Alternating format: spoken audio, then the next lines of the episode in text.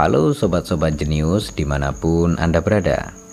Saya Guntur Sulaksono, pengisi suara di channel ini. Saya sebenarnya lebih aktif untuk update buku-buku terbaru melalui channel youtube saya Namanya Baca Buku. Jadi buat teman-teman yang mau menyapa saya secara langsung Atau mau request buku-buku yang ingin dibacakan, teman-teman bisa mengunjungi channel YouTube saya, namanya Baca Buku. Teman-teman bisa mengajukan request buku-buku yang ingin dibacakan atau sekedar say hello.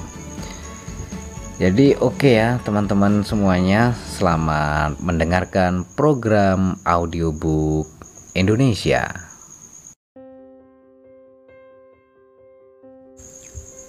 Sebuah seni untuk bersikap bodoh amat Ditulis oleh Mark Mansion Kita memasuki episode 30 Bab 6 bagian 5 Selamat mendengarkan.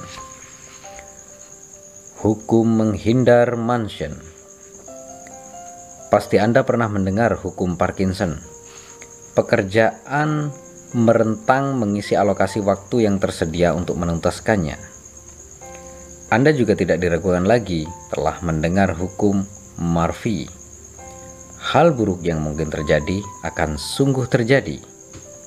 Ya, lain kali ketika Anda berada di sebuah pesta koktail yang glamor dan ingin membuat seseorang terkesan, coba ucapkan hukum menghindar Mansion atau Manson's Law of Avoidance.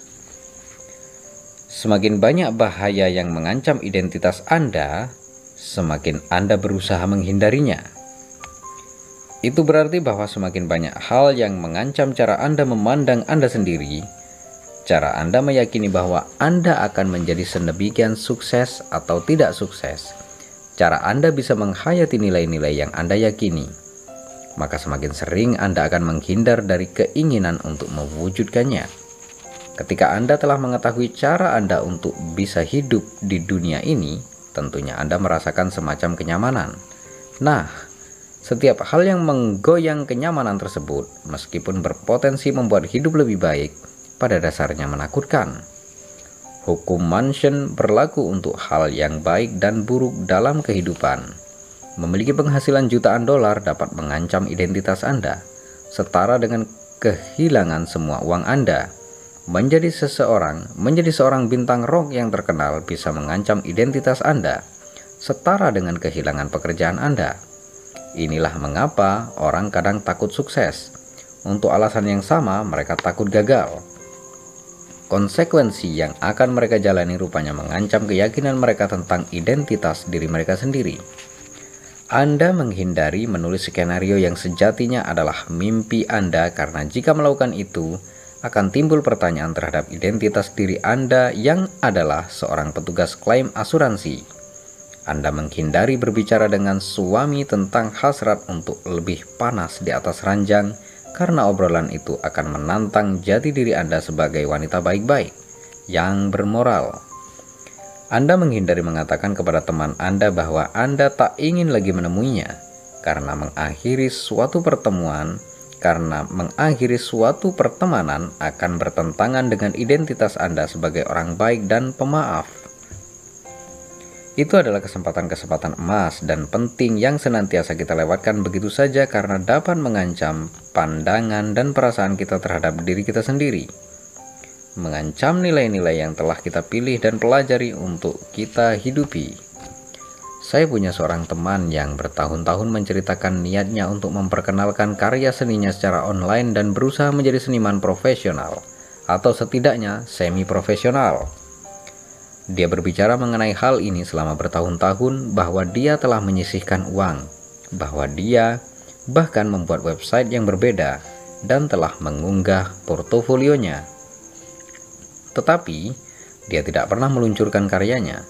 Selalu ada alasan resolusi lukisannya tidak cukup bagus, atau dia baru saja melukis karya yang lebih bagus, atau masih belum ada waktu untuk hal tersebut. Tahun demi tahun berlalu, dan dia tidak pernah melepaskan pekerjaan nyatanya. Mengapa? Karena Meski mimpi akan penghasilan yang layak dari seni itu menyenangkan, ada ketakutan nyata jika nanti dirinya menjadi seniman tak laku. Menjadi seniman tak laku jauh-jauh lebih mengerikan ketimbang menjadi seniman yang tak pernah didengar. Setidaknya, dia nyaman dengan sebutan seniman yang tak pernah didengar. Saya punya teman lain, seorang jawara pesta, doyan minum-minum dan gemar mengejar-ngejar wanita. Setelah bertahun-tahun hidup mengejar kenikmatan, dia merasa dirinya sangat kesepian, depresi, dan tidak sehat. Dia ingin mengubah gaya hidup pestanya. Dia iri dengan beberapa orang di antara kami yang sedang menjalin hubungan dan lebih mapan daripada dia. Namun dia tidak pernah berubah.